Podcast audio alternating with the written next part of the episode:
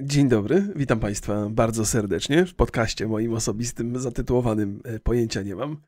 Ci, którzy oglądają mnie, e, chociaż nie wiem, czy to będzie dostępne, w sensie rzadko publikuję już te podcasty w formie wideo, ale jak mnie ktoś ogląda, to widzi, że się uśmiecham. E, to jest chyba, to jest taka przypadłość związana z nagrywaniem podcastów. Jakoś mnie to ciągle cieszy. O, zarosło się trochę, to też jak mnie ktoś widzi, ale Państwo mnie na Spotify nie widzą. Um, tak. Y, przesłuchuję sobie różne, różne podcasty, y, które się dzieją na, na Spotify'u i muszę powiedzieć, że bardzo dużo podcastów jest takich tematycznych, jakichś takich albo edukacyjnych, albo opowiadają jakąś historię, albo skupiają się na jakimś konkretnym zagadnieniu, które jest tam na różne sposoby przedstawiany na przestrzeni iluś tam odcinków albo pa, pa, paru dziesięciu. I muszę Państwu powiedzieć, że takich podcastów męskich, e, które ja tutaj uskuteczniam, to jest mało. Ja, ja uskuteczniam taki bardzo typowy podcast dziewczęcy. Wygląda na to, bo, faktycznie jak sobie, jak sobie przyglądam, e, przeglądam sobie te podcasty także kobiece, to tam jest bardzo dużo takich osobistych historii, przeżyć własnych doświadczeń rodzinnych i tak dalej. I to jest dokładnie to, co ja tu, tutaj robię. Proszę Państwa, jest to dla mnie pewnym zaskoczeniem. No ale tak wydaje mi się, że podcast tematyczny sobie uskuteczniamy e, z, z Borysem, e, trochę na YouTubie, trochę na Spotify'u i tam się realizuje tak, jeżeli tematy są poważniejsze, trochę czasami edukacyjne. Natomiast tutaj mam ochotę sobie pogadać o pierdolach E, I do Państwa zachęcam bardzo serdecznie do, do, e, do uczestnictwa w tych moich e, pierdołach, w sensie do słuchania tych pierdół.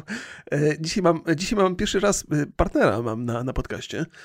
Partner się nazywa AirHealth i oni produkują olejki CBD. I o tym jeszcze Państwu opowiem. Ja to tak będę, będę to robił. Jestem ciekaw, czy moją formę reklamy AirHealth zaakceptuje w ogóle. bo ja to tak rozbieram na czynniki pierwsze, ale, e, ale, staram się Państwu nie, postaram się Państwu nie wrzucać takich informacji e, w dużych ilościach reklamowych naraz, bo nie chciałbym stracić Państwa uwagi na tym Spotify, więc wszystko po kolei. Mam nadzieję, że nie zapomnę tutaj. E, jakby co, to olejki CBD ja sam, sam korzystam i, i, i dobrze mi się sprawdzają, ale to Państwu później opowiem, o ile się nie zagubię w jakichś dygresjach przeróżnych. Co proszę Państwa chciałbym powiedzieć? Zawsze jakiegoś starczego ględzenia to od tego można by zaczynać. Ja może sobie podzielę podcast na, na, na segmenty. Skoro one są takie osobiste, to po pierwsze segment rodzinny, segment zdrowotny, mój osobisty, związany z dietami najpewniej. Segment sportowy to jest coś, co mnie bardzo interesuje. Ostatnio mocno wróciłem do sportu i do oglądania sportu. Pewnie dlatego, że ćwiczę bardzo intensywnie, czuję się dużo lepiej. Eee, testosteron powrócił chyba. Moja żona mówi, że chyba mi testosteron powrócił. Ciekawe skąd ma takie pomysły. E, co tam jeszcze jest ciekawego w tym sporcie? No, no i w ogóle sukcesy Igi Świątek, które mnie bardzo ekscytują. Ja, ja lubię oglądać sport, y, tenis kobiecy. Chyba nawet bardziej niż męski, ale to może wynikać z tego, że w męskim tenisie nie mamy wielkich sukcesów, chociaż y, Jeden z polskich tenisistów y, chyba do drugiej rundy wszedł, Rolanda Garosa w tym roku. Jeszcze o tym opowiem, bo gdzieś to sobie zapisałem. E, a teraz wylatują mi nazwiska z pamięci. W związku z tym, że mam takie upośledzenie e, i kiedy opowiadam, kiedy mam odpaloną kamerę, kiedy mam odpalony mikrofon i nagrywanie, to totalnie zapominam nazwisk, no to sobie postanowiłem, dobra, okej, okay, trzeba się albo pogodzić z tym, że się jest trochę upośledzonym w tej kwestii i sobie robić notatki i tyle. I mam gdzieś zapisane te nazwiska, więc... Więc jesteśmy, proszę Państwa, uratowani. Będzie konkretniej. No właśnie, teraz, teraz jakiś debel leci na, na, na Eurosport, na Eurosporcie. Kupiłem sobie wreszcie usługę, dzięki której mogę oglądać sport. Miałem kilka do wyboru. Na playerze było na Kanal Plus, Kanal, Kanal Sport jest chyba albo Kanal Plus Sport. Jest Eurosport. Wybrałem Eurosport. Pewnie z sentymentów, kiedy pierwszy raz do Polski weszła telewizja satelitarna, kiedy się kupowało pierwsze anteny satelitarne kiedy pojawiły się pierwsze kablówki dla większości państwa tych, tych młodych, to, yy, to pewnie w ogóle opowieści z, z krainy mroku są, ale no nie zawsze tak było, że że był, yy, że te telewizje zagraniczne, zachodnie były dostępne. Kiedyś była tylko telewizja polska 1 i 2 yy, i, i tyle. I od czasu do czasu były przerwy w programie, że, że był taki ekran, że przerwa w programie i nie wiadomo co się, jak to się wydarzy, kiedy, jak to się potoczy. E, no i człowiek nie miał za dużo informacji, był szczęśliwy.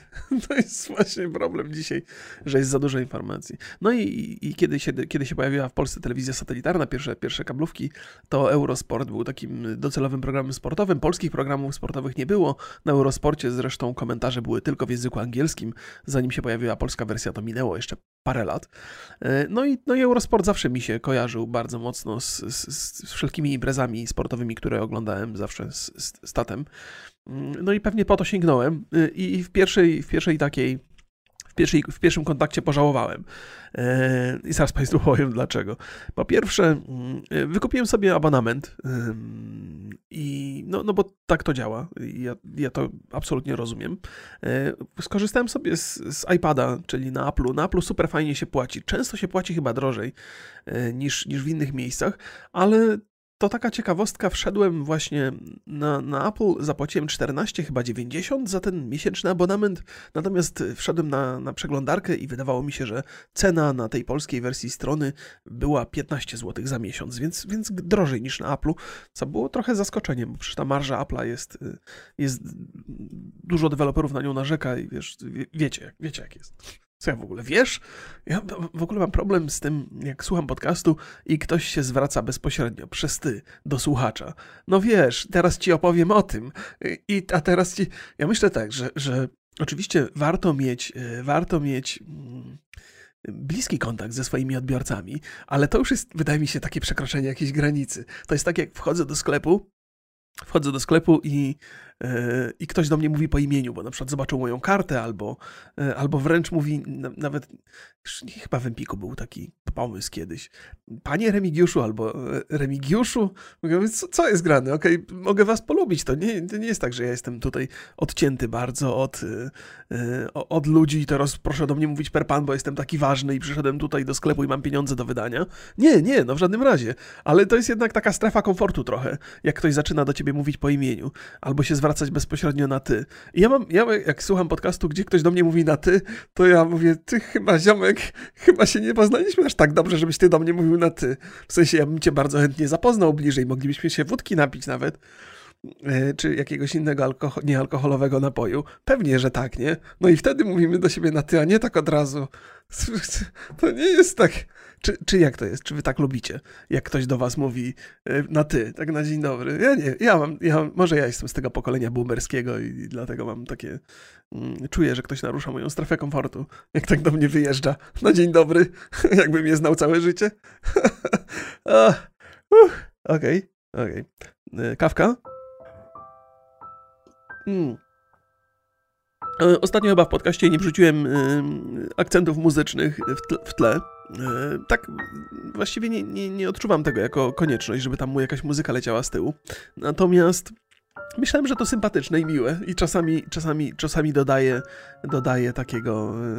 Yy, yy, jak muzyka leci w tle, to, to zabarwia trochę wypowiedź. W sensie pozytywnym, czasami w sensie negatywnym, w zależności od tego, jakie dźwięki tam są. I lubię się tym od czasu do czasu pobawić, ale ktoś mi napisał maila, że to może nie do końca jest dobre, że to go wytrąca z równowagi. Więc myślę sobie, a co, co mi tam? to, to, łatwiej jest nie wrzucać niż wrzucać. Ale może coś tam e, w czołówce, jakieś, jakieś tam coś dodam, jakieś pianinko czy coś, żebyście Państwo wiedzieli. Kiedyś, kiedyś e, mieliśmy taką samą rozmowę, z, z, kiedy żeśmy planowali podcast Rocky Borys. Ja byłem za tym, żeby wrzucać muzykę, bo zawsze wrzucałem muzykę, bo to na YouTubie. E, Borys powiedział, że nie, że to bez sensu, że to jak ktoś sobie będzie chciał posłuchać muzyki, to sobie puści jakby równolegle i to nie jest problem. I myślę sobie, że wtedy uznałem, że to faktycznie ma sens, natomiast dzisiaj tak, e, o ile sobie dobrze e, poukładałem w głowie kwestię tych urządzeń mobilnych, to ciężko jest puścić dwie odrębne ścieżki dźwiękowe. To znaczy, jak leci podcast, to nie macie chyba szans za bardzo puścić muzyki w jakikolwiek sposób. To można robić na komputerach, nie? Jak na PC na przykład. Możecie sobie puścić Spotify'a i w tle na przykład odcinek z YouTube'a i tam sobie muzyczkę nałożyć, jeżeli ktoś ma ochotę. Natomiast dużo osób słucha z urządzeń mobilnych, gdzieś tam na słuchawkach, czy nawet robiąc jakieś takie czynności kuchenne, kuchenno-domowe, to, no to nie ma za bardzo szansy puścić muzyki jeszcze w tle, nie? Więc, więc ten argument, że jak ktoś chce, to sobie puści muzykę, niestety jest inwalidą, Um, i, i, ale, ale, ale okej, okay, okej, okay, okej, okay, okej. To nie, ja nie będę Państwu tutaj gustu muzycznego ustawiał. Ale te utwory, które używam, to są takie generyczne, darmowe z internetu, więc, więc one raczej gustu muzycznego nie będą kształtować Państwu. W ogóle bawi mnie to powiedzenie, Twój argument jest inwalidą. To chyba z angielskiego się wzięło, nie? Wzięło się to z angielskiego, bo jest invalid, nie? Że, że, że jest, twój argument jest bez sensu.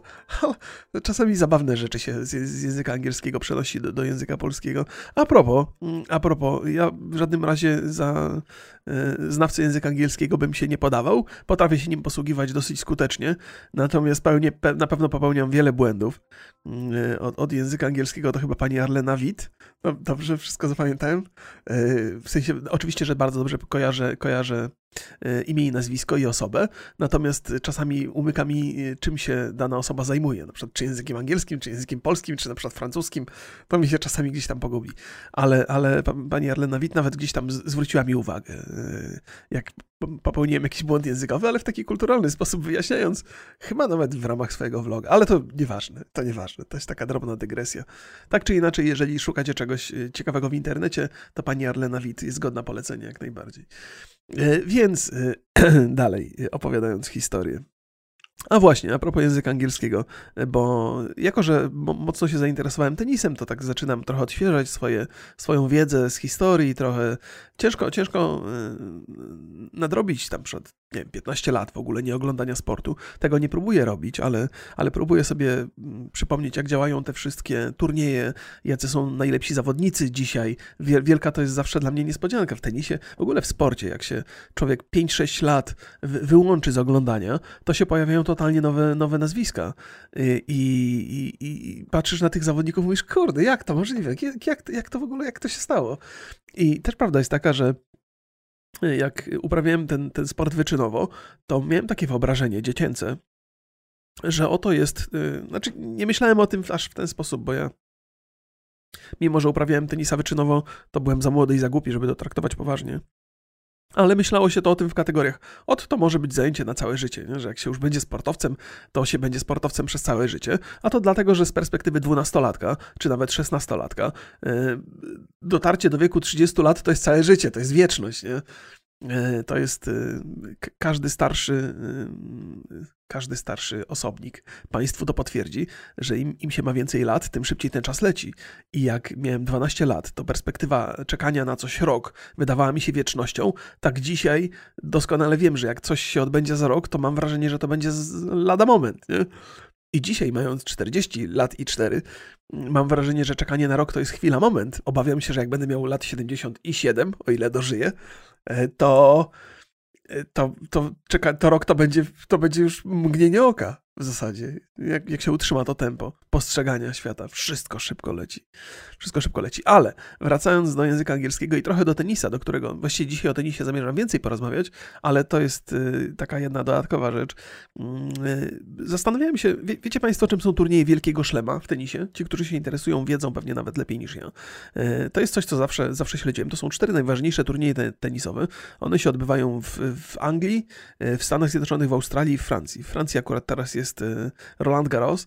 To jest turniej Wielkiego Szlema i w ogóle Wielkiego Szlema się zdobywa, jak się wygra te cztery turnieje e, jednego roku. Trochę jak konkurs czterech skoczni, tylko że cztery skocznie się odbywają w zasadzie e, jednocześnie, a te wielkie szlemy, te turnieje wielkoszlemowe mają, mają tam jest przerwa między nimi, nie? to są turnieje. Więc teraz jest Roland Garros. I zastanawiałem się, skąd się wziął w ogóle zwrot wielki szlem w języku polskim, bo w języku angielskim to, jest, to są turnieje Grand Slam. Grand Slam to, Grand to oczywiście wielki slam, to się bardzo kojarzy z jakimiś takimi sportami walki. Slam to z, z uderzeniem, walnięciem, yy, tego typu rzeczy. Myślę, skąd w Polsce w ogóle szlem się wziął? Czy to zna... I tak, tak zacząłem przeszukiwać słowniki i muszę przyznać, że nawet w internecie brakuje informacji na ten temat. Nie wiem skąd się pierwotnie wziął wyraz szlem, ale podejrzewam, że ktoś to kiedyś musiał przetłumaczyć z języka angielskiego tak w sensie dźwiękowym, że, że szukał wyrazu, który będzie dźwiękowo podobny i wydaje mi się, że to się wydarzyło już w czasach, znaczy, że to się wydarzyło po raz pierwszy w odniesieniu do brydża, to w ogóle zabawne, bo mój tato bardzo się interesuje tenisem i też bardzo, bardzo dużo grał w brydża. E, więc w brydżu też jest wielki szlem. Jeżeli się tam wygra ileś pod rząd jakiś tam kart, to, to, to, jest, to, jest, to jest szlem. Nie wiem, czy wielki, ale to jest szlem. I ten szlem też się pojawił w, tu w, w określeniu do, do wielkiego szlema, czyli do sportów tenisowych. Ale myślę, że to ma jeszcze ciekawszą historię, gdzieś tam głębiej, ale ciężko w internecie wyszukać. Rzeczy, które, które mają więcej niż 30-40 lat i nie są wielkim, ważnym faktem historycznym, nie są takie łatwe do odnalezienia w, w, w, internecie. Pewnie łatwiej byłoby w jakiejś bibliotece poszukać czegoś, nie? Ale czy ja wiem w ogóle, gdzie jest we Wrocławiu biblioteka? To jest niezwykła sprawa. Już powoli zaczynam tracić zainteresowanie księgarniami. Mimo, że ciągle kupuję książki papierowe, to czuję, że, że ich elektroniczne wersje będą mnie dużo bardziej ekscytowały. Jak cholera, cały czas uwielbiam poczuć, poczuć tą książkę w łapie, ale muszę przyznać, ostatnio y, siedziałem sobie z żoną, ona czytała książkę na swoim urządzeniu elektronicznym. Ja czytałem papierową i muszę przyznać, że y, już ten moment, że, że obie ręce mam zajęte, żeby trzymać tą książkę i obracać strony, jest tak patrzyłem z pewną zazdrością na moją żonę, która sobie trzyma jedną ręką, drugą się podpiera, ja tam sobie przewija kciukiem yy, przeczytane strony i myślę, a kurde, to jest wygodne. Jak musiałem się na przykład napić czegoś, to też brakowało mi tej jednej ręki. To jest totalny absurd, nie? że, że, ale tak się technologia zmienia, tak się świat zmienia że, że nawet w takiej banalnej czynności jak, jak czytanie, e, możliwość posiadania jednej ręki luzem jest czymś, jest pewnym upgrade'em. Nie, niezwykła sprawa.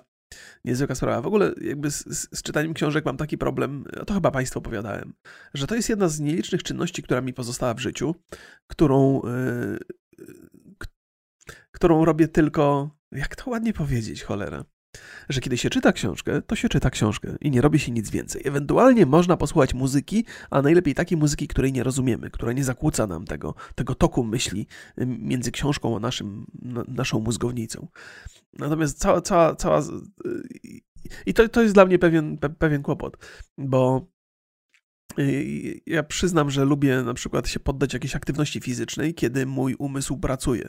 To znaczy, kiedy słucham jakichś podcastów albo kiedy słucham audiobooków, no to mogę ćwiczyć jednocześnie albo nawet spacerować. To jest bardzo korzystne, więc to są czynności niezależne. Zakładam, że one się nie kłócą i nie powodują w moim ciele jakichś poważnych problemów. Wie, wiecie, bo się może okazać, że, że że są takie procesy y, w organizmie, y, że pozornie się wydaje, że możesz jednocześnie dwie rzeczy robić, a tak naprawdę co jest jakiś, jakiś, jakiś może spowodować poważny kryzys. No, tak jak na przykład z jedzeniem. Ktoś kiedyś, kiedyś yy, rzucił taką tezę, ja nie wiem, czy ona została potwierdzona przez amerykańskich naukowców na przykład, ale że, yy, że podczas jedzenia lepiej nie oglądać telewizora ponieważ organizm musi się skupić na trawieniu i, i, i, w ogóle te wszystkie czynności związane z jedzeniem wymagają pewnie jakiejś dozy koncentracji, co jest dla mnie e, pewnym zaskoczeniem, zawsze było. Trzeba przyznać, że ja lubię sobie pooglądać coś podczas jedzenia. Powiedziałbym, że przez to jedzenie jest przyjemniejsze, skupianie się tylko i wyłącznie na jedzeniu. Chociaż przyznam, że jeżeli ja sobie coś sam ugotuję, to lubię posiedzieć tak w takiej w takiej ciszy i, i, z własnymi myślami, i tak się podelektować tymi różnymi rzeczami, które, które, które robię, bo muszę przyznać bez fałszywej skromności, że robię rzeczy dobre, ale raczej bym nikomu nie gotował, tylko sobie. Dla mnie one są dobre. Podejrzewam, że gdybym się miał mierzyć w konkursie na, na najlepszą patelnię, to raczej bym słabo wypadł, e, ale y, jako, że mój gust się wpisuje w moje umiejętności, to jestem wielce zadowolony i czasami delektuję się potrawami, które dla siebie przygotuję. Tak. Więc jak, jaki żeśmy tutaj labirynt pokonali yy, podczas tego podcastu? Gdzieś tam się pojawił tenis, on jeszcze będzie. Masz, pamiętam cały czas o, o, o reklamie AirHealth yy, i olejkach CBD, które Państwu polecam z czystym sumieniem, bo sam korzystam. Yy, o Eurosporcie trochę. A, nie powiedziałem Państwu, dlaczego pożałowałem od razu, bo z, właśnie zacząłem sobie oglądać już mecz wcześniej rozegrany, czyli Iga Świątek i Muszę sobie tak, zaraz sobie odświeżę to. Bardzo ma ciekawe nazwisko ta, ta zawodniczka. E, o, otworzymy sobie ranking ATP i sobie po tym prześledzę. E, chyba otworzyłem panów niechcąco, bo ATP to jest ranking panów. Zaraz, zaraz. A może sobie po prostu otworzę drabinkę French Open.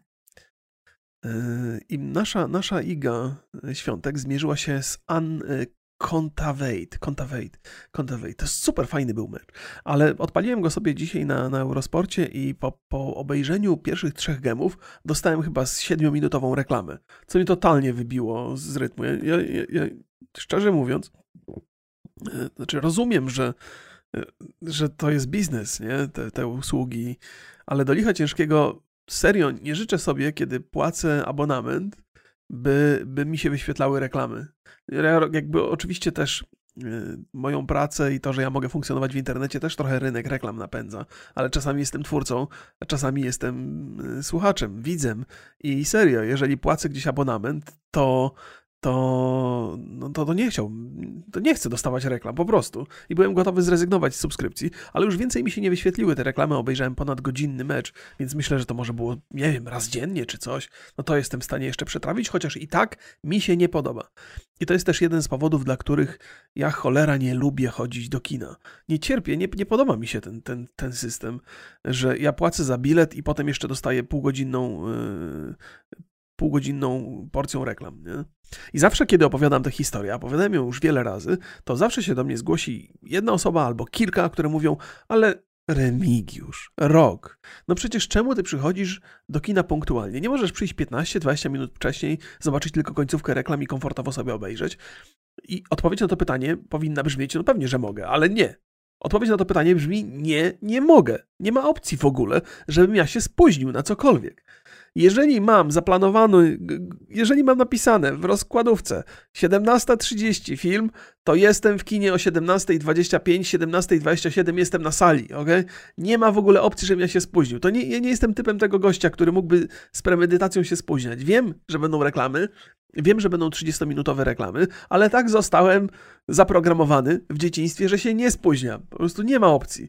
To jest, to jest i to jest do tego stopnia wbudowane we mnie, że jak jadę samochodem i stoję w korku i mam wrażenie, że ten, ten mój zapas czasu się kurczy gwałtownie, że nie zdążę, to zaczynam się pocić, zaczynam się robić nerwowy, zaczynam krzyczeć na kierowców. I mimo, że wiem, że mam 30-minutowy segment reklam przed sobą, to przy, wchodzę do kina spocony, jak się spóźnię o pół minuty nawet. Jest taki. Ja rozumiem, że dla osób, które nie mają takiej nerwicy jak ja, to się wydaje zupełnie normalne, że przejdę później i trochę będzie git, nie?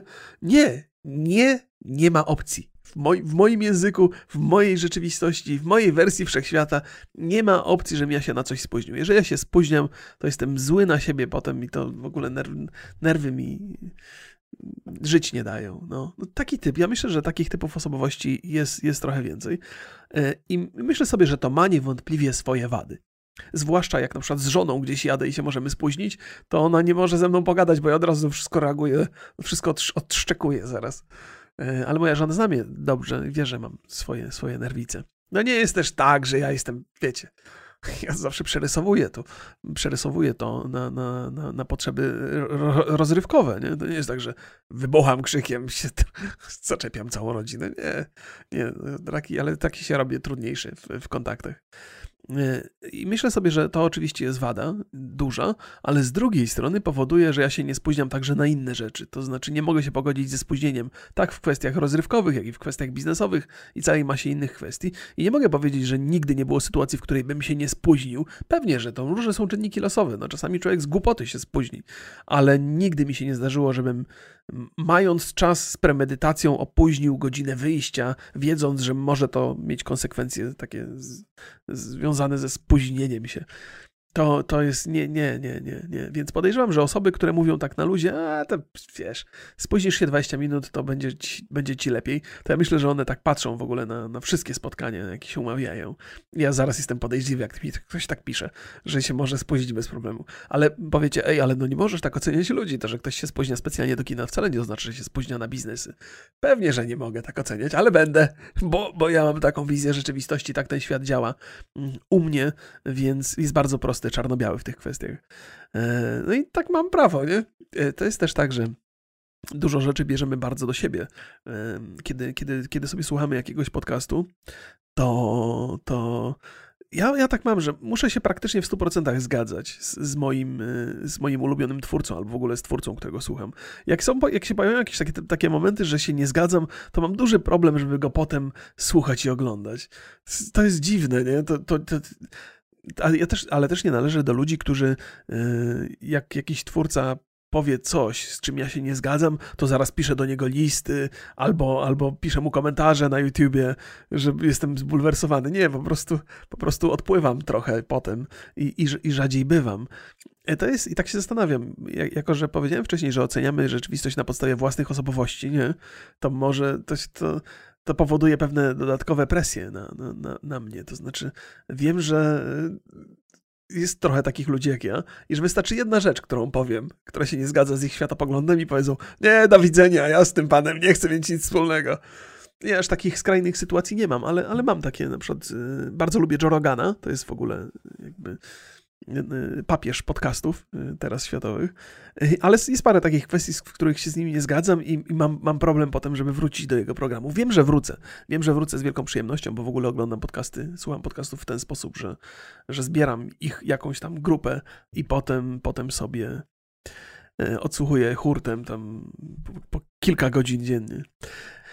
No, no, no, więc tak, po, pożaliłem się Państwu na temat tego Eurosportu. Jeszcze też mi brakuje to, że, e, że z jednej strony, no bo Eurosport ten taki do oglądania, no to oczywiście jest program i on jest oparty głównie o to, jak, e, jakie są wydarzenia, co się dzieje. Oni to po, prostu pokazują, prezentują to, to brakuje mi tam takiego szerszego spojrzenia na sport, na przykład jakiś drabinek w, w, przypadku tenisa, albo, albo nie wiem, w sensie w kliencie, w tym, tam gdzie oglądacie, że przydałaby się jakaś taka specjalna zakładka, gdzie są rankingi pokazane, zbliżające się spotkania, turnieje i tak dalej. Pewnie mają to na stronie www, ale trzeba tego szukać, pogrzebać, ja bym chciał mieć to w aplikacji.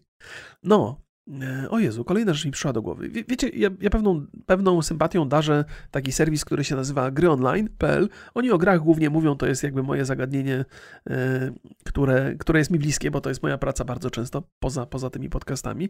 Może od czasu do czasu będę o grach też tutaj opowiadał, ale, ale niezbyt często, bo to są jednak tematy, które sobie obgaduję często z Borysem albo gdzieś tam indywidualnie na YouTubie.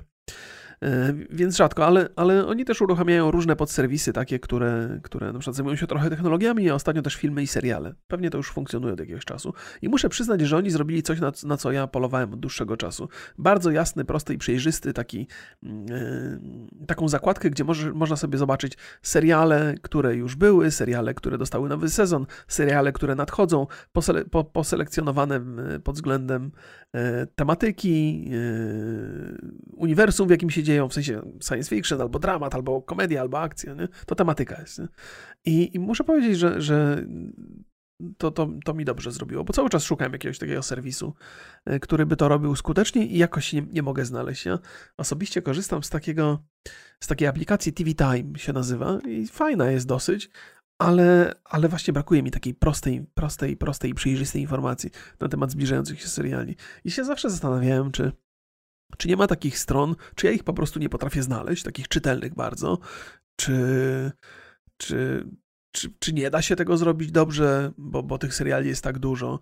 Z jakiegoś powodu nie mogłem tego znaleźć, a tam ta, ta, ta, ta filmowa odsłona TV gry całkiem spoko, nie, TV gry? Nie, gry online. Filmowa odsłona gry online całkiem, całkiem sprawnie działa i nawet mi się to podoba. E, ale jeszcze jest w powijakach, bo tam ani nie można sobie seriali dodawać do swoich jakichś tam zakładek jeszcze. No, widzicie, ja to mam, ja to bym mógł chyba zbudować taką apkę, która przynajmniej moje potrzeby by zaspokajała, ok? Jest szansa, że jakby spełniała moje potrzeby, to może spełniałaby potrzeby także innych osób, ale no, cholera wie. Ale chyba ciężko to zrobić w przypadku seriali. Jest, jest poza tymi serwisami takimi online, to jest jeszcze masę takich tradycyjnych telewizji, y, gdzie, gdzie są publikowane ciekawe rzeczy. E, jest, w ogóle nawet tych serwisów online jest niebotycznie dużo. W Polsce jest ich ograniczona ilość, w Ameryce jest po prostu potwornie dużo. E, nie wiem, już teraz mam taki problem, żeby, żeby te wszystkie płatności ogarnąć. No bo tak, płacę teraz za Eurosport, płacę za Netflixa, płacę za Prime Video, płacę za HBO, płacę za Apple TV. To już jest pięć pięć serwisów, to już jest w okolicy stówy miesięcznie, może nawet więcej.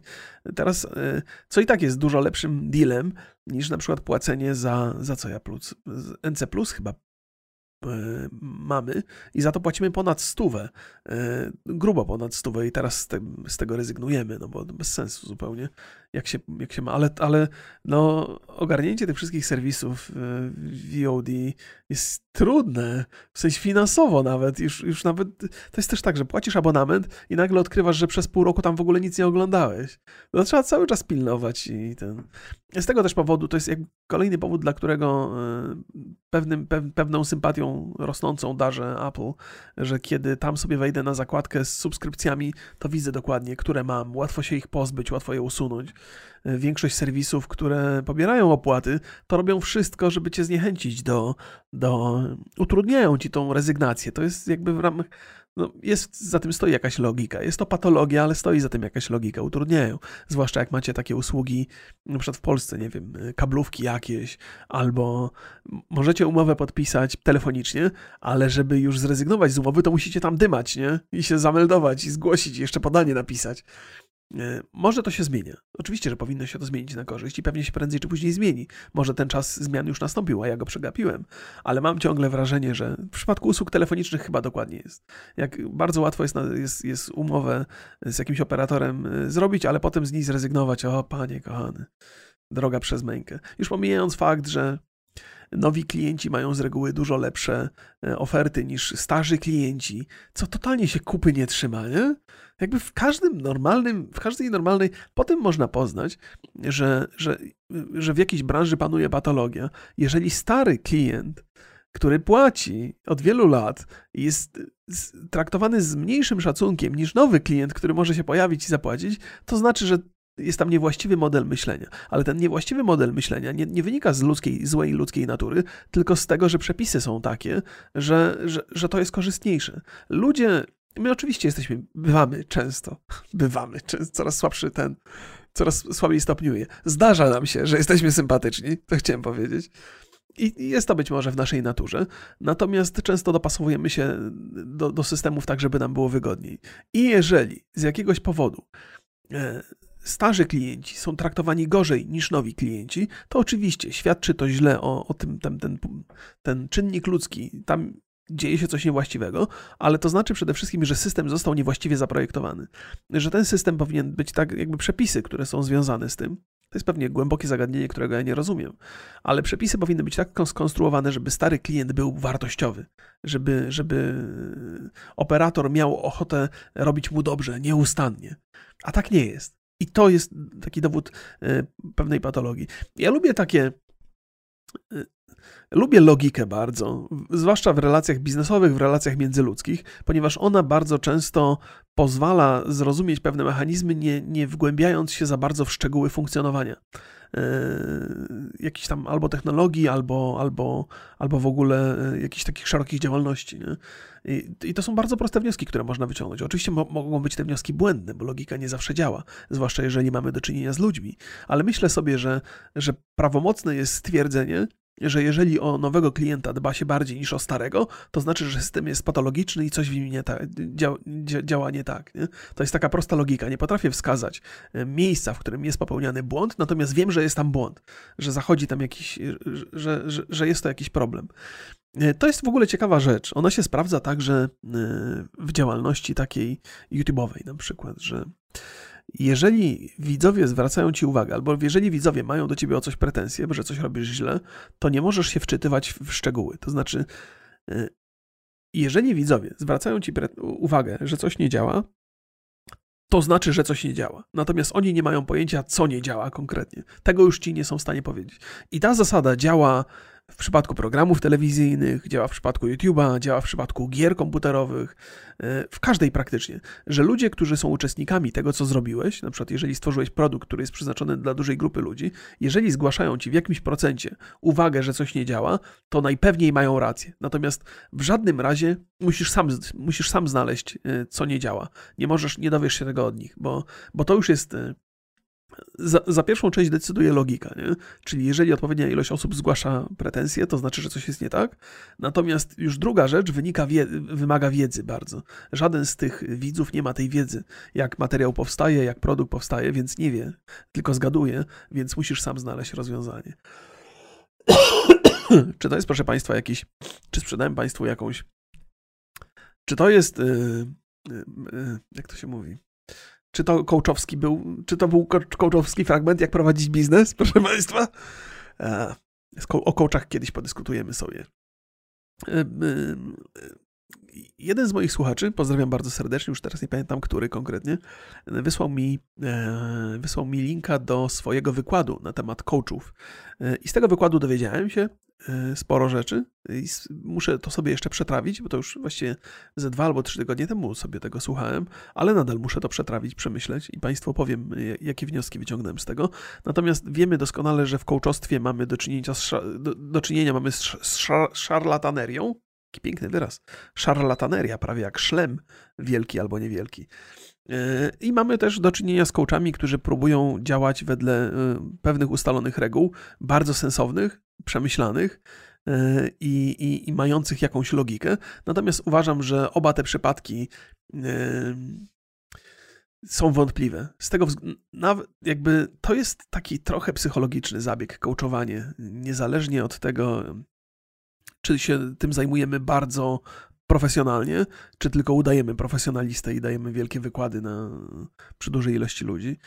E, ale oba przypadki, to, to nie jest. Ach, e, w obu mogą się znaleźć szarlatani. Ale to, to jest. Ten, ten drugi przypadek, taki profesjonalny, jest oczywiście dużo bardziej wiarygodny, ale to nie jest jednak matematyka. To nie jest fizyka. E, tam te rzeczy nie są takie sprawdzalne analitycznie i, i tam no, może dochodzić do, do, też do nadużyć i do, do kiepskich, e, kiepskiego coachowania. Ale to jeszcze, jeszcze jestem na etapie trawienia tego, tego. Ale to temat, który mnie interesuje. W ogóle dużo rzeczy mnie interesuje. Lubię wiedzieć. E, Im jestem starszy, tym bardziej lubię wiedzieć. Na przykład chciałbym wiedzieć, czy co jest grane z pogodą w tym roku. Czemu jest tak kurewsko gorąco, a jeszcze parę dni temu było 12 stopni.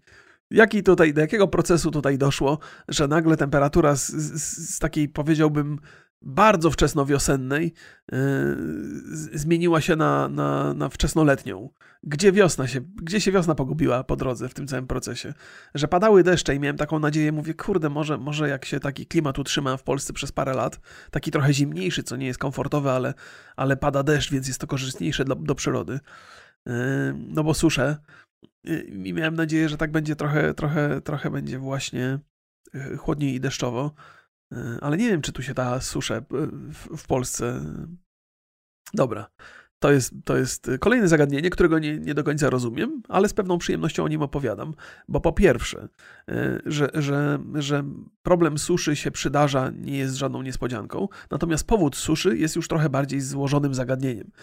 Gdzieś tam, e, mimo tego, no właśnie, w związku z tym, że nie do końca rozumiem ten cały proces, to dużo czytam na ten temat i oglądam różnych ludzi, którzy są mądrzejsi ode mnie. E, no i tam wydaje się, że, że mamy problem po pierwsze z tym, że ta woda bardzo szybko ucieka, po drugie, że opady są e, bardzo krótkie, ale niezwykle dynamiczne. To znaczy, mamy do czynienia z ogromnymi opadami, ale słabo rozłożonymi w czasie. Czyli duża ilość wody jednocześnie spada, a potem przez dłuższy czas nie ma tej wody, i to powoduje, że przy, taka ilość wody także trudniejsza jest do utrzymania w środowisku. Więc te dwie rzeczy już wiem. To już jest coś, mam nadzieję, że te rzeczy wiem dobrze, bo jakbym wiem tylko dwie rzeczy i gdyby obie były źle, to, to, to, to, to, to niedobrze. Ale będę zgłębiał ten temat. E, więc pewnie z czasem się dowiem. Więc e, woda ucieka i za dużo jej pada jednocześnie, za mało jej pada w, takim sensownie rozłożonym czasie. Ma, ma to sens. Ma to sens chyba. O czym to ja miałem? Skąd ja ta pogoda w ogóle? Aha. No właśnie. No i te, te takie, takie na przykład y, interesuje mnie kwestia globalnego ocieplenia. Oczywiście tutaj też jest, to jest kolejna, kolejne miejsce, w którym nie mam zielonego pojęcia, ponieważ nie, nie dokonałem żadnych badań, więc sobie czytam różne opracowania naukowców, którzy, którzy zdają się być kompetentni w tej kwestii i potwierdzają zagrożenie ze strony globalnego ocieplenia. To jest coś, co ja e, nie mogę powiedzieć, że to wiem, ale to jest coś, w co wierzę. W sensie, no, jakby rozumiecie, nie? że to żeby móc powiedzieć, że coś się wie, jest potrzebny pewien zakres wiedzy, której ja jeszcze uważam, że nie posiadam. Staram się go zdobywać, e, ale, ale, ale jeszcze nie posiadam, więc wierzę, że to globalne ocieplenie może nastąpić. To, to jest, e, wierzę, że to jest problem. I to też jest, o, to, to też jest ciekawostka e, na temat tego, jak państwo interpretują. Znaczy, dla wielu osób, dla których globalne ocieplenie jest oczywiste, nawet jeżeli nie mają wiedzy, która, którą mogą to podeprzeć, tego typu deklaracje z mojej strony, że ja nie wiem, ale wierzę, są niewystarczające, że to jest tego typu deklaracja jest zagrożeniem, że przez, przez tę moją deklarację mniej osób będzie traktowało globalne ocieplenie poważnie. Nie? I zaczynają mnie atakować, mimo że ja mam takie same poglądy, że wierzę w to globalne ocieplenie. Ale wiara to za mało. Ty nie możesz powiedzieć publicznie, że wierzysz. Ty musisz publicznie powiedzieć, że wiesz, nawet jak nie wiesz. I proszę Państwa, to jest kolejny powód, dla którego mój podcast nazywa się Pojęcia nie mam. Remigiusz pojęcia nie mam Maciaszek. Okej? Okay? Dobrze, zrozumieliśmy się tutaj dobrze? Więc mogę sobie mówić rzeczy, których nie wiem, albo mogę sobie mówić rzeczy, które, w które wierzę albo nie wierzę, bo, bo pojęcia nie mam. O, mikrofon. Mikrofon sobie potrąciłem. Dobrze, że potrąciłem mikrofon, a nie kawę. Parę razy mi się zdarzyło wylać kawę tutaj, co, co, co myślałem, że jest niemożliwe. Myślałem, że jestem taki super zorganizowany, że mam pełną orientację na temat tego, co się dzieje, gdzie, gdzie stoi na stole. Z reguły nie wywalam rzeczy, nie przewracam, nie upuszczam, nie wylewam napojów, a tu dwa razy sobie, kurde, wylałem kawę. I wiecie Państwo dlaczego? Ponieważ mam za duży mikrofon i on mi zasłania. Jak sobie kawę postawię tutaj przed mikrofonem, znaczy za mikrofonem, z mojej perspektywy, to go, to jej nie widzę i czasami trącę tę kawę i jest problem, się wyleje. Trzeba powycierać potem. E, no i wycieram, no. I tak się życie toczy. Jest drogi. 40 minut już gadam. W ogóle nie dotarłem do. Trzy, trzy ważne tematy chciałem Państwu dzisiaj powiedzieć. Po pierwsze, byłem z rodziną na spacerze. Po drugie, bardzo chciałbym pogadać o tym meczu ostatnim Igi Świątek. E, po trzecie, trochę o tenisie. Po czwarte, chciałem z Airheld y, tu przeprowadzić współpracę jakąś, żeby oni powiedzieli: O, panie Remigiuszu, pan to nas tak zareklamował, że wszyscy skorzystali z, z tej usługi y, naszej, że olejki CBD się sprzedają po prostu jak złoto. Pan, pan panie Remigiuszu jest autorytetem. Dla wielu ludzi. Dobra, czekajcie, to ma, małymi, małymi, małymi, małymi, kroczkami dojdziemy sobie. Tu jest, y, dostałem, dostałem tutaj y, taką listę rzeczy, które państwo, które państwo powinni wiedzieć związanych z, z olejkami CBD. Ja oczywiście to zawsze przefiltruję przez swoją głupotę. E, więc, e, więc w ogóle co to są te olejki CBD? O tym żeśmy kiedyś rozmawiali z Borysem na podcaście. To jest bardzo interesująca substancja. To jest jeden z kanaboidów, tak się kanaboidów w ogóle nazywa. Wszystkie kanaboidy to jest dla mnie jakaś taka e, roślina boskiego pochodzenia. Ona ma tyle funkcji ona ma tyle fascynujących, yy, fascynujących możliwości, tyle rzeczy z nią można robić, a przez tyle lat ludzie zakazywali na wszelkie sposoby jej używania, że to jest, to jest taka pewna ironia losu, że to jest wręcz jakieś takie, jakbym sobie miał pomyśleć, jeżeli gdzieś zło działa we wszechświecie, to właśnie w ten sposób, że pod pozorem dobrych intencji, czyli zakazywania zioła, które może być tam może być, no nie wiecie, no, Boże drogi. Muszę uważać, żeby się nie wdać w jakieś takie dłuższe opowieści na ten temat. Nie? Więc mamy coś takiego, że mamy zioło, które jest fantastyczne, po prostu pod wieloma względami. Wykorzystywane niezależnie od, od, e, od celu, jest, jest po prostu fantastyczne. Nie? I żeśmy sobie ułożyli prawo, wedle którego to staje się gdzieś tam nielegalne na jakimś etapie. I to jest właśnie działanie zła we wszechświecie, że dostajecie coś od natury niezwykle dobrego, pomagającego na wiele schorzeń i dającego radość jeszcze przy okazji, przy specyficznym użyciu, i, i, i, i sobie tego zakazujecie. Nie? To, jest, to, jest, to jest straszliwa rzecz. Więc, ale, ale wracając do olejków CBD. To jest jeden z kanaboidów, czyli organicznych związków chemicznych występujących w konopiach. Uczymy edukacyjnie, proszę Państwa. Kanaboidy charakteryzuje możliwość bezpośredniego lub pośredniego wpływania na fizjologiczne procesy zachodzące w naszych ciałach. No i widzicie ta, taką formułkę. Earheld chciało, żebym ja Państwu przytoczył tutaj. Ja ją muszę przyozdobić swoim, swoim naturalnym urokiem, bo to się nie da tak na podcastach takich formułek przytaczyć. Ale więc jakie tutaj można, y, jak procesy w naszych ciałach można aktywność motoryczna, pewnie, że tak. Nastrój, motywacja, głód. No głód to na pewno, proszę Państwa. Ja tu muszę bardzo, bardzo, bardzo podkreślić, że te, że te olejki to one nie mają nic wspólnego z, z tym działaniem takim odurzającym. Nie, nie, nie, to jest coś zupełnie innego. To nie jest odurzające w żadnym razie. Podkreślam to, podkreśliłem. Jest to podkreślone, proszę Państwa. Mam nadzieję.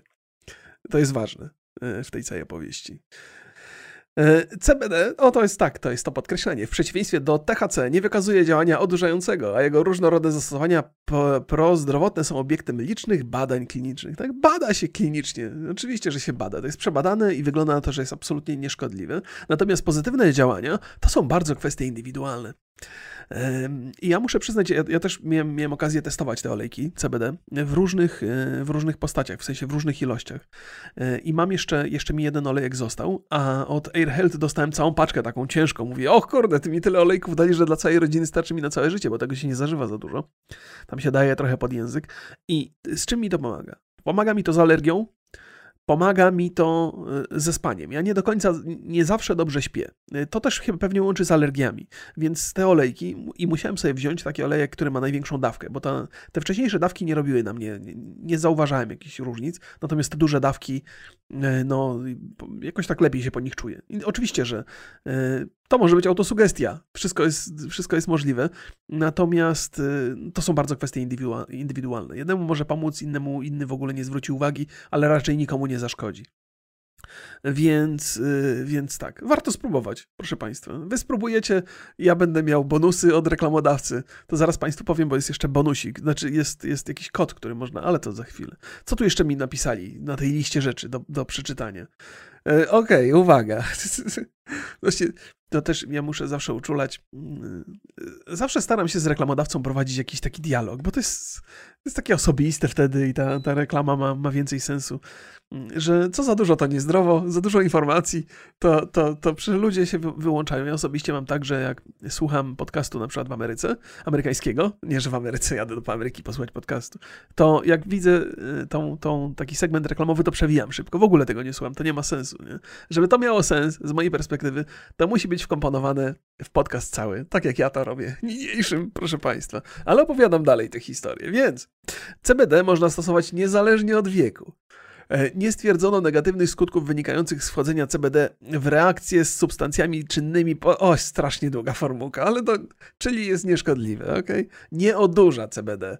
E, można go stosować na dzień, e, na co dzień, niezależnie od tego, czy jesteśmy w domu, czy idziemy do pracy. Więc proszę bardzo, nie odurza. Ja, bym, ja lubię być czasami trochę odurzony, ale niestety olejek CBD mi w tym nie pomoże. Więc proszę Państwa, na stronie AirHealth możecie sobie wejść i jak wpiszecie kod ROK, ROCK, to będziecie mieli 20% zniżki i darmową dostawę. Spróbujcie sobie. Bo warto, może się okazać, że na jakieś tam e, mniejsze albo większe e, problemy Wam pomaga. Ja mam tak, że, że e, przez długi, długi czas miałem problemy ze spaniem, a to, było, to wynikało przede wszystkim z moich alergii pokarmowych i to mi zdecydowanie ułatwiło spanie. Przestałem, przestałem tak się budzić często i pocić potwornie ale też oczywiście dieta przy okazji się z tym zgrała, więc to może być dieta. Ale, ale, ale, ale nie, miałem takie poczucie, że, że mm, kilka dni po stosowaniu tego olejku było, było mi dużo lepiej. E, nie mam problemów z apetytem, nigdy nie miałem. To podobno pomaga na, na te kwestie związane z apetytem, co ma sens. E, natomiast y, nie no, mój apetyt zawsze był przesadzony, więc, więc tutaj raczej pomocy nie, potrzebowałem. No i te alergie, te alergie dużo, dużo lepiej znoszę. E, no, jakby pierwszy raz jak zacząłem brać olejek CBD przestałem brać alertyk. Alertyk to jest takie lekarstwo na, na alergię, które powoduje straszną ospałość i takie wręcz takie depresyjne stany. Więc dla mnie to, to, to było całkiem yy, przydatne i mogę z czystym sumieniem polecać. No i proszę, taki segment reklamowy. Ile on trwał? Trochę trwał. Muszę Państwu powiedzieć, że no, z nosami kapie. Znowu, znowu jesteśmy chorzy. To jest, cholerstwo, to jest cholerny świat, że, że znowu jesteśmy chorzy. No dobrze, że mam olejek. Powinienem sobie aplikować częściej. Yy, dobra, dlaczego jesteśmy chorzy? No bo nasza córka jest chora, znowu poszła do przedszkola i znowu przy, przytargała jakieś, jakieś choróbsko. Yy, co mnie martwi, bo za 14 dni mam, yy, mam drugą, drugą, drugie szczepienie. Szczepienie mam moderną yy, i to też się martwię, bo, bo druga dawka szczepienia jest jest trochę gorzej tolerowana przez organizm, więc no więc podejrzewam, że przeżyję, ale, ale mogę się zmagać z jakimiś tam gorączkami chwilowymi. Yy, ostatnio Borys dostawał drugą, chyba on też brał moderny, już teraz mi wyleciało. I mówi, że miał tam yy, parę godzin po, paręnaście godzin po zastrzyku, miał taki yy, gorszy moment podgorączkowy, ale że po 36 godzinach mu minęło, więc, więc okej, okay. więc powinno być wszystko okej. Okay jeżeli mi jakaś, e, jakaś e, reakcja alergiczna nie spotka. O to się martwię trochę, bo ja strasznie mam dużo e, alergii różnych, co uważam jest bardzo niemęskie, no ale mam. Co, co zrobić? Mówię, że to jest bardzo niemęskie, niech się nikt nie oburza. Ja jestem wychowany w pokoleniu, wiecie, 77 rok się urodziłem, nie? Przeżyliśmy Czarnobyl. ja w ogóle na Czarnobyl z, te moje alergie to zrzucam na karp Czarnobyla i trochę mi lepiej, nie? To znaczy, że genetycznie jestem ok, tylko mnie Czarnobyl na przykład tam prześwietlił. Bo ten jod, który żeśmy pili w dzieciństwie po, po, po eksplozji tego reaktora w Czarnobylu, to, to nastąpił trochę za późno, nie? Polskie władze działały z delikatnym opóźnieniem. To nie jest nic nadzwyczajnego nawet dzisiaj. Więc, e, no więc trochę żeśmy pewnie zostali podtruci przez ten Czarnobyl. Pewnie nie jakoś strasznie, ale może. Więc wolę, wolę to zrzucać na, na, moje problemy z alergią na Czarnobyl, bo to mam pre, pretensje mam przynajmniej do ruskich, a nie do swoich rodziców, że mi złe geny przekazali. Ej, okej, okay, powiedziałem do ruskich, ale to w formie żartu, to nie jest jakiś tam y, nacjonalistyczny podcast. Było wszystko jasne. Mam nadzieję, że nikt nie odniósł takiego wrażenia do tej pory, że to jest nacjonalistyczny pod, podcast. Ale mogę Państwu obiecać, że będziemy się śmiali z różnych narodów od czasu do czasu okazjonalnie. No bo co mi tam? Co mi tam? E, zastanawiam się, do jakiego stopnia e, nadanie podcastowi tytułu pojęcia nie mam, zwalnia mnie z odpowiedzialności za obrażanie innych. Czy ja mogę sobie teraz spokojnie obrażać, kogo chcę, bo w związku z tym, że nie mam pojęcia? Czy nie? E, myślę, że to tak, ileż jest głębi w tym tytule, więcej niż planowałem. Dobra, tenisowo trochę. Opowiedziałem Państwu o tym, o tym wielkim szlemie. Teraz mamy, teraz mamy Roland Garros, czyli, czyli francuski French Open, czyli, czyli ten francuski szlem. E, powiedziałem też, że będzie Australia Open. Był Australia Open. E, nie, nie, nie był. To jest jeszcze jeden z czterech turniejów. Nie, nie wiem, czy był, czy nie był. Ok, niedawno wróciłem do tenisa. Więc jest Australian Open, jest, jest, jest e, Wimbledon i jest US Open. To są ważne turnieje. Natomiast teraz jesteśmy na etapie French Open. W, w męskiej odsłonie French Open już nie, nie gra żaden Polak. Wcześniej grał Powinienem sobie był to wcześniej otworzyć. W polskim tenisie był, jest taki zawodnik, co on się nazywa Kamil Majchrzak. On jest na 126 miejscu ATP y, i on doszedł do drugiej rundy French Open w pierwszym meczu wygrał w czterech setach, drugi przegrał w trzech setach, dosyć mocno przegrał, yy, ale no, trzymam kciuki, jak, jak tam się wbije trochę wyżej, to pewnie pokibicuję i pooglądam. Yy, ja to lubię oglądać mecze polskich drużyn i polskich zawodników, zwłaszcza jak wygrywają. jak nie wygrywają, to nie oglądam. I to nie znaczy, że ja jestem złym kibicem, ty, ty jesteś taki, tylko przyjmujesz jak, jak coś dobrego, jak coś złego, to w ogóle nie towarzyszysz polskim zawodnikom. Okej, okay, to trochę inaczej na, na to patrzę, nie? Ja, proszę Państwa, przeżywam to. Przeżywam to mocno, głęboko, dosadnie. To nie jest tak, że ja sobie oglądam, o, wygrał y, bardzo dobrze, o, przegrał, no trudno, byłem z nim, kibicowałem mu. Nie, jak polski zawodnik, któremu ja kibicuję, ja zawsze kibicuję polskim zawodnikom, przegra, to ja mam stan przedzawołowy dwie godziny po meczu. Nie, nie mogę oglądać meczów polskiej reprezentacji, nie mogę oglądać polskich tenisistów, którzy, którzy częściej przegrywają niż wygrywają w takich wielkich turniejach, bo no bo mnie boli serce, no. To jest... Ja muszę o swoje zdrowie dbać. Ja już mam 44 lata, mam rodzinę, mam trzyletnią córkę. Ja nie mogę sobie pozwolić na to, żeby zejść na zawał, bo mi w jakimś meczu tenisowym as wszedł w niewłaściwym momencie, okej? Okay? To dlatego. To ja przeżywam bardziej.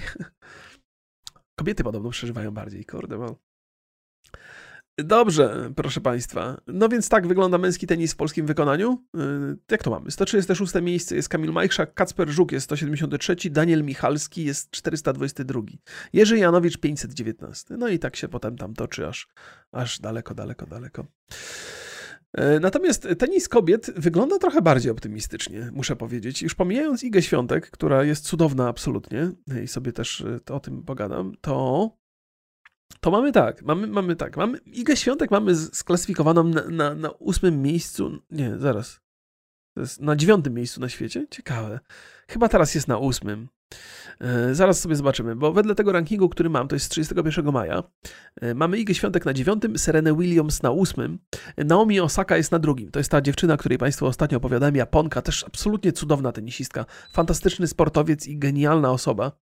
E, bardzo, bardzo ją lubię. Teraz French Open nie wystąpiła, ponieważ no tam były pewne konflikty z organizatorami tego turnieju. Ciekawa w ogóle sprawa, ale to opowiadałem mocno w poprzednim podcaście, to nie będę do tego wracał. No i tak ten Pierwsza dwudziestka tenisistek e, światowych już jest zamknięta z jedną Polką tylko, natomiast potem jest Magdalinet na 45. miejscu, więc też blisko. Muszę sobie wygooglować Magdalinet, taka bardzo nietypowe nazwisko jest. E, to sobie pododaję sobie te, te dziewczyny gdzieś na, bo widzę, że na Twitterze, na Instagramie są, proszę. Wiecie, co mnie najbardziej rozbraja w tych Instagramach? Że sportowcy, naukowcy tam mają jakieś śladowe ilości followersów, a te wszystkie... Ach, Boże, nie chciałem obrażać. To, to są, to, to jest niebywałe. Jakich ludzi obserwujemy na Instagramie? No ludzie, no. Weźcie, z, zerknijcie sobie na swojego Instagrama. Poszukajcie jakichś takich, nie wiem, właśnie, nie, nie co ja będę, nie będę ludziom narzucał, niech sobie każdy ogląda to, co chce oglądać, nie? Ale to jest takie, to jest takie rozczarowujące, że my, ja też jestem przecież tutaj sprawcą tego. Zamiast obserwować sportowców, yy, naukowców, ludzi, którzy mają wyraźne osiągnięcia, którzy zmieniają trochę świat, to my obserwujemy, kurna chata, jakieś te, jakieś dziewczyny z dużymi popami, albo y, facetów, którzy mają sześciopaki i nic więcej poza tym w życiu. Nie? I tacy ludzie nam mówią, nas inspirują do działania. Tacy właśnie yy, powierzchowni tylko. Niebywałe, niebywałe, no. Taka jest ludzka natura. Dlaczego my nie potrafimy docenić tego, co jest naprawdę ważne, budujące? Na czym polega ten. No właśnie na tym, że my ciągle jesteśmy zwierzaki jednak, że ciągle bazujemy na, na, na, na, instynktach. Że te dziewczyny, które tam eksponują dekolty i pośladki bardzo wyraźnie, to wzbudzają nasze zainteresowanie dlatego, że pierwotne instynkty działają, nie dlatego, że, że wydają nam się interesujące. To samo z facetami, którzy się tam prężą, napinają.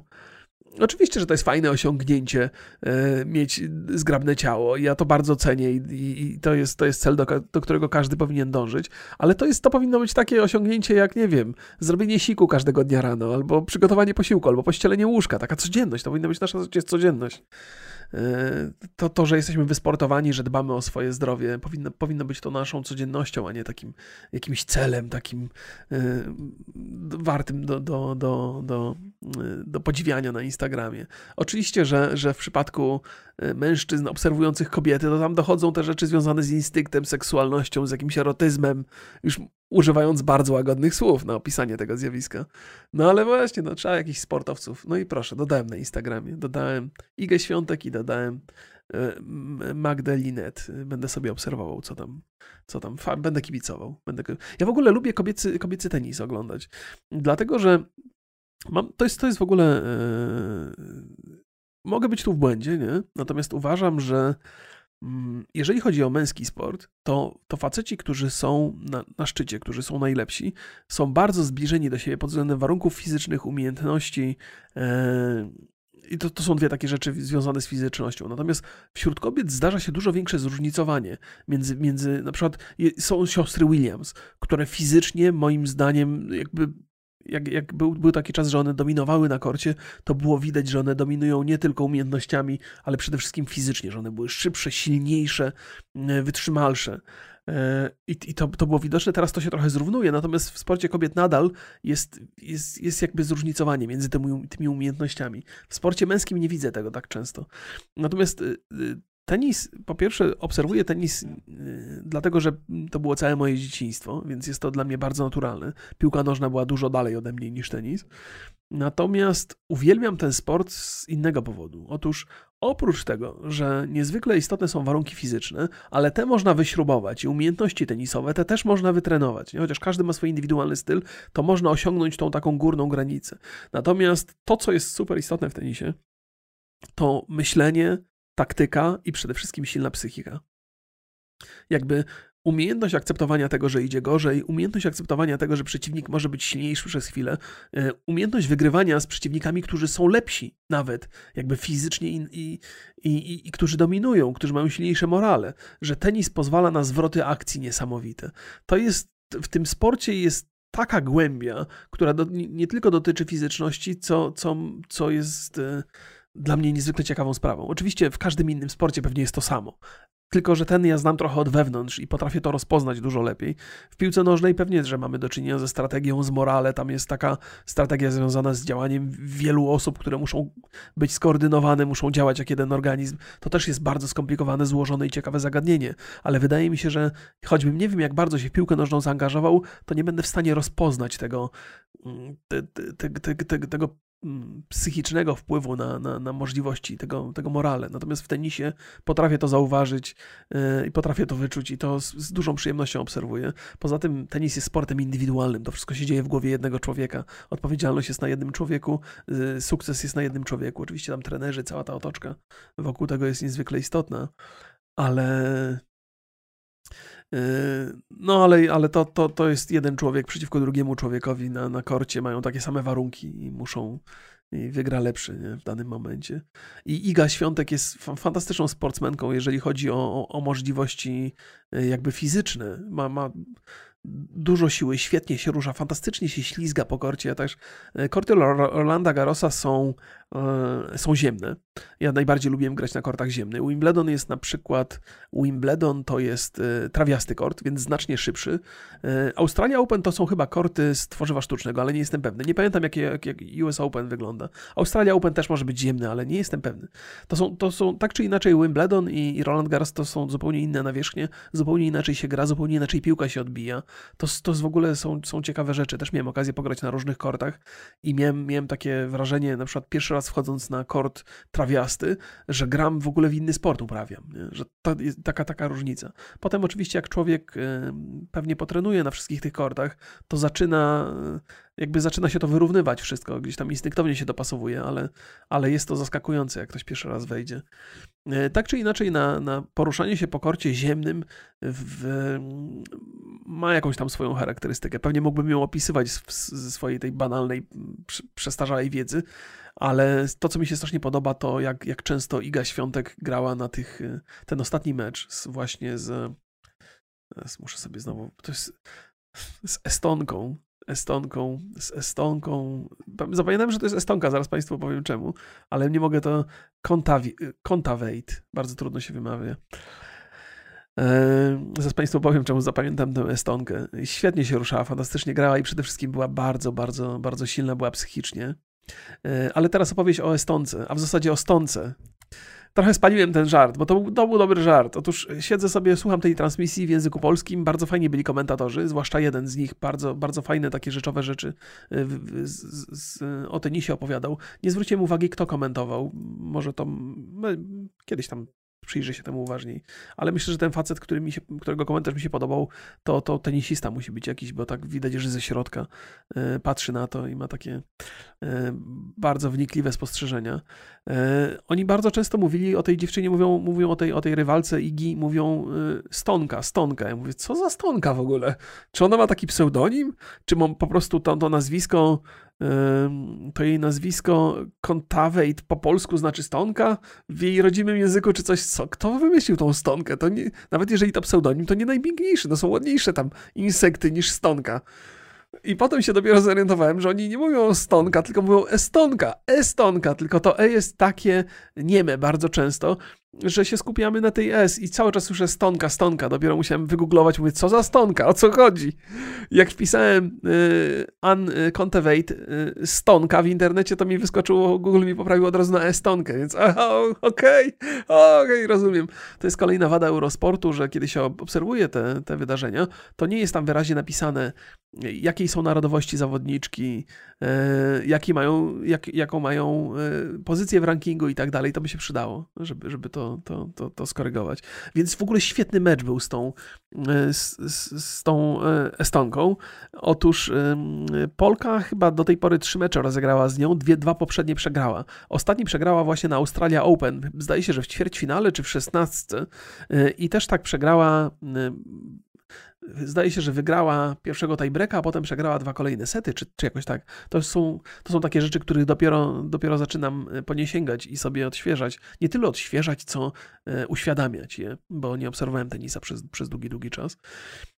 Ale ten mecz był właśnie z ten, ten mecz tutaj na, na French Open fantastycznie po, pokazywał to, to, co jest niezwykle ważnego w psychice. Otóż widać było od samego początku, że ta Estonka weszła na, na na, na, ten kort z, takim, z taką przewagą morale, że ona się czuła silniejsza, pewniejsza, widać było tą pewność i naprawdę na początku dominowała. Zaczęło się 2-0, jakby otwarcie, potem było 2-1. Ostatecznie to, to na, na, wy, wyszło na 4-2 i miała taką wyraźną przewagę nie tylko siłową, ale też fizyczną e, i też taktycznie bardzo dobrze grała. No nie bez powodu, miała 4-2, nie? Chociaż w tenisie to nie jest takie oczywiste. Tenis to jest taki sport, gdzie, gdzie mm, rozgrywka jest dzielona na sety, sety są dzielone na gemy i to jest jeden z nielicznych sportów, w których zawodnik y, może zdobyć więcej piłek, ale jednak przegrać mecz, ponieważ zdobędzie je w niewłaściwym momencie. Jeżeli na przykład wygrywający każdy swój gem wygra po ciężkiej walce, natomiast każdy swój gem y, który przegra, to y, nie zyska żadnego punktu w trakcie tego, to gemy są sobie równe, niezależnie od tego, ile punktów się zdobędzie. Może być tak, że ktoś, kto wygra mecz, yy, yy, tak naprawdę wygrał mniej piłek, ale wygrał te, które były ważne w, w danym momencie. No, złożone, przepraszam, zamieszałem Państwu, niepotrzebnie się w to wdawałem, ale to jest ciekawostka. Przypuszczam, że w siatkówce też jest podobnie, ale nie przyglądałem się temu uważnie. Ciekawy z tego względu, nie? E, więc, więc e, ba, bardzo mocno ta, ta Estonka wygrywała na początku, ale to, co właśnie w, w Idze Świątek cały czas patrzy na, na, na, to, jak się zachowuje, jak reaguje na gorsze zagrania i oczywiście ma takie momenty, że machnie ręką, uderzy się w czoło czy coś, ale widać, ona jest strasznie spokojna, ma taką neutralny ma wyraz twarzy, nie widać po niej w ogóle zmęczenia, ona się wydaje, że, że kondycyjnie musi być świetna. Może jestem w błędzie, bo co ja tam mogę wiedzieć, siedzę na fotelu i interpretuję, nie? Ale, ale nie widać po niej zmęczenia, natomiast po tej Estonce było widać tak wyraźnie, że ona jest, jest jest trochę podmęczona i miała dużo takich zagrań, że Polka uderzyła mocno i Estonka miała w zasadzie tą piłkę na rakiecie, ale już jej ta rakieta jakoś tak Albo to uderzenie piłki było na tyle mocne, że rakieta jej tak zwichrowała, tak się jej przekręciła w nadgarstku, że, że nie była w stanie odbić tej piłki. I to jest z moich, z moich wspomnień, to często się zdarzało, kiedy zawodnik był zmęczony. Tenis to też jest taki sport, gdzie mamy do czynienia z dynamicznym wysiłkiem i potem chwilą odpoczynku. Dynamiczny wysiłek, chwila odpoczynku. Te dynamiczne wysiłki oczywiście się na siebie nakładają i dłuższe wymiany, kiedy są dłuższe wymiany, to już bardziej przypominają cardio niż dynamiczny wysiłek, ale, ale ich takich długich wymian nie ma tak dużo. Ale, to, ale to, to widać, że to zmęczenie się nakłada, nakłada, nakłada, nakłada i że ta Estonka była coraz bardziej zmęczona. I tak myślę, przy tych czterech, dwóch już mówię, kurde, jest niedobrze, ale, ale mam takie wrażenie, że Iga jest jakaś świeższa w tym, w tym meczu. I ostatecznie E, doprowadziła do wyniku 5-5, potem wygrywała 6-5, przegrała, przegrała tą, ten, tego gema setowego i ostatecznie wygrała w tiebreaku 7-6. I, to mnie, to, mnie, to, to mnie rozbroiło, co powiedział komentator tam parę gemów później, że kiedy jest taka sytuacja, że niewątpliwie ta Estonka bardzo mocno prowadziła w tym swoim pierwszym secie. E, ona dominowała, ona, ona miała takie, e, miała lepsze zagrania, miała, miała to wyższe morale, a mimo to przegrała tego seta, to niezwykle ciężko jest psychicznie się odkopać z tej, z, tego, z tej porażki, bo zupełnie inna jest porażka, kiedy wiesz, że twój przeciwnik jest mocniejszy, i przegrywasz, przegrywasz, przegrywasz, ale liczysz na to, że może ostatecznie kondycyjnie, albo może wiatr ci zawieje w odpowiednią stronę, że, że jesteś w stanie to przemóc. A inna jest sytuacja, kiedy czujesz, że masz przewagę i że ten set powinien być twój, ale mimo to przegrałeś, czy tam przegrałaś. I to ją zdołowało na tyle, że drugiego seta przegrała 6-0. I drugi set to już było takie katowanie. Tam już Iga nie miała litości żadnej, żadnej dla niej. I jak wygrała piłkę meczową, to pierwszy raz zobaczyłem, że tam się uśmiechnęła, tak się ucieszyła. E, niesamowicie jak na taką młodą dziewczynę, bo ona ma 19 lat. Ja tam parę razy powiedziałem, że ona ma 20 parę, ale ona ma 19 lat. Scholernie młoda dziewczyna, że potrafi psychicznie tak, taki dystans zachować. To jest niesamowite. To jest. E, e, I, i dlatego uważam, że, że Oczywiście, że trzeba mieć talent w tej kwestii yy, sportowej, nie? No, trzeba mieć sprawne ciało, ale to jest coś, nad czym można bardzo mocno pracować. Nie? I łatwiej się pracuje nad fizycznością niż nad psychiką, bo mamy oczywiście psychologów, którzy, którzy, są, yy, którzy zajmują się sportowcami, ale wydaje mi się, że mimo tego, że ta dziedzina taka jest, y, psychologia związana ze sportem, to ona jest znacznie mniej mm, znacznie jest mniej y, poważana, albo być może znacznie jest mniej rozbudowana niż dyscyplina zajmująca się tym, tymi sportowymi możliwościami, czyli fizycznymi.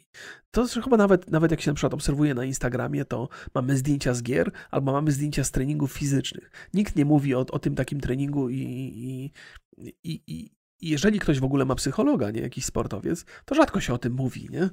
E, chyba, jak, jak to jest ważne. A w przypadku tenisa to jest super ważne. Uważam, że w każdym innym sporcie jest super ważne, bo to napięcie, to ta obawa przed porażką albo nadzieja na zwycięstwo potrafią tak zmienić totalnie to, jak się gra. Tenis jest sportem cholernie precyzyjnym. To nie jest taki sport siłowy, że bierzemy ciężar, przenosimy go z miejsca na miejsce, chociaż w przypadku tych ciężarów też pewnie koncentracja jest super ważna, ale tu jest każda, każde uderzenie, każda piłka, każda strategia, każdy, każdy gem jest głęboko przemyślany od, od, od, od od pierwszego zagrania po ostatnie. I to wszystko wymaga niezwykle, mm, dlatego jest niezwykle ważna równowaga psychiczna. Nie? I mam wrażenie, że Iga Świątek właśnie pod tym względem jest, jest, bardzo, bardzo dominuje. A nie widać tych emocji na jej twarzy i mam wrażenie, że ona jest tak jak, nie wiem, dziewczyna z żelaza, nie? Że, że okazuje emocje po, po zwycięstwie. Ale tak, jak mówię, przyglądałem się jej takim zagraniom i tam od czasu do czasu gdzieś tam się wkurzy, nie? coś tam machnie ręką albo coś jest niezadowolona, więc są w niej te emocje, nie? to żeby nie było, że ona jest bez emocji w ogóle, nie, tego nie chciałem powiedzieć, ale fantastycznie się kontroluje e, i, i, i to jest, ta, ta, ta gra jest, jest super ważna, oczywiście tam to jeszcze, to jest jeszcze, e, bo co my tu mamy, teraz będzie ćwierćfinał, nie? E, Iga Świątek zagra z, z, Kost, z Kostiuk, z taką zawodniczką to jest Kostiuk Marta z Ukrainy, z Ukrainką. Ta Kostiuk Marta miała trochę łatwiejszą y, drogę, bo w jej drabince nie było żadnych zawodniczek rozstawionych, czyli tych topowych e, z, z, z ATP. Y, no ale zobaczymy, zobaczymy. Ładnie, ładnie ta Kostiuk przeszła. Tak. Poza pierwszym meczem to, no, to tak, takie miała gry E, łatwiejsze, dominowała tam, e, więc może też być rozpędzona na morale. Ale przeciwniczka, wcześniejsza Świątek, miała to do siebie, że wcześniejsze gry z Igą wygrała, więc to też jest taka przewaga morale i widać było, że jak ona weszła na ten kort, to z, z taką z myślą o zwycięstwie. Nie? Tym bardziej, że wygrała wtedy w tym Australia Open mm, tą, tą, tą rundę. Yy, po poprzednie ich starcie. To też był ważny turniej. No, no i tak, już będę kończył powoli, bo znowu strasznie się rozkładałem. Boże, to jest niebywałe, nie? Powiedziałem Państwu tyle historii, co miałem przygotowanych. Ja nie wiem, gdzie ja, te, gdzie ja, gdzie ja mam te wszystkie historie.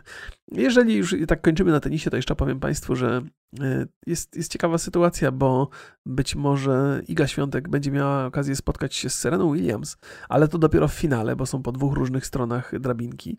Ser siostry Williams, jakby Venus Williams już dawno nie widziałem. Radwańskiej też nie widziałem. Radwańska? Yy, właśnie ostatnio jak obserwowałem tenis polski, to Radwańska była takim, takim odkryciem. A teraz coś jej nie widzę za bardzo. Radwańska, Radwańska. Gdzie ona jest tutaj na tych... Yy, na 232 miejscu. A to, nie, to jest, to jest, jest dosyć dobrze, no ale daleko, daleko jest. Na przykład by Państwu porównać, Iga Świątek ma 4400 punktów rankingowych, natomiast Radwańska ma w tej chwili 297. Ja nie wiem, co tam się wydarzyło w ogóle, jak to się, może kariery sportowe są krótkie, nie wiem zresztą, nie wiem, nie, nie, nie mam pojęcia, nie, no nie mam pojęcia akurat, nie wiem, ja bym wolał, żeby było jak najwięcej polskich zawodniczek, nie? Na topie. Ale, więc jest, jest Serena Williams po drodze, ale jeżeli e, ten, tą grę wygra Świątek, tę grę, e, czyli wejdzie do, pół, do, do, do ćwierćfinału właśnie, to to się, z, z, z, to się spotka z, z Sofią Kenin. Sofia Kenin jest jako czwarta rakieta, to chyba naj, najwyżej rozstawiona tenisistka w tym turnieju. E, I, i, i ona, Sofia Kenin przegrała w poprzednim French Open właśnie z, z Igą Świątek, bo w zeszłym roku Iga Świątek wygrała e, w Paryżu e, i, i, i właśnie w finale grała przeciwko Sophie Kenin. Więc to taka trochę, trochę powtórka być może. To jest zawodniczka, zawodniczka amerykańska, Sofia Kenin. Czwarte miejsce. Strasznie żałuję, że nie ma tej e, Osaki, Naomi Osaka, bo to jest e, świetna zawodniczka i tak miałbym, miałbym dwie tutaj kandydatki do kibicowania, bo bym Idze Świątek kibicował i, i właśnie tej Osace. Ale jestem też bardzo ciekawy, jak Seren Williams gra. Ja sobie zaraz odpalę Eurosport. Jeszcze na koniec. Jedynką Muszę ściszyć, bo mnie to zaraz wiecie. Kto tu gra? No, czekajcie. Nie, nie wiem, chyba, chyba jakiś debelek jest ciągle. A nie, zaraz, jest trzecia runda. Tenis. Ech, ech. I będę Państwu tutaj teraz.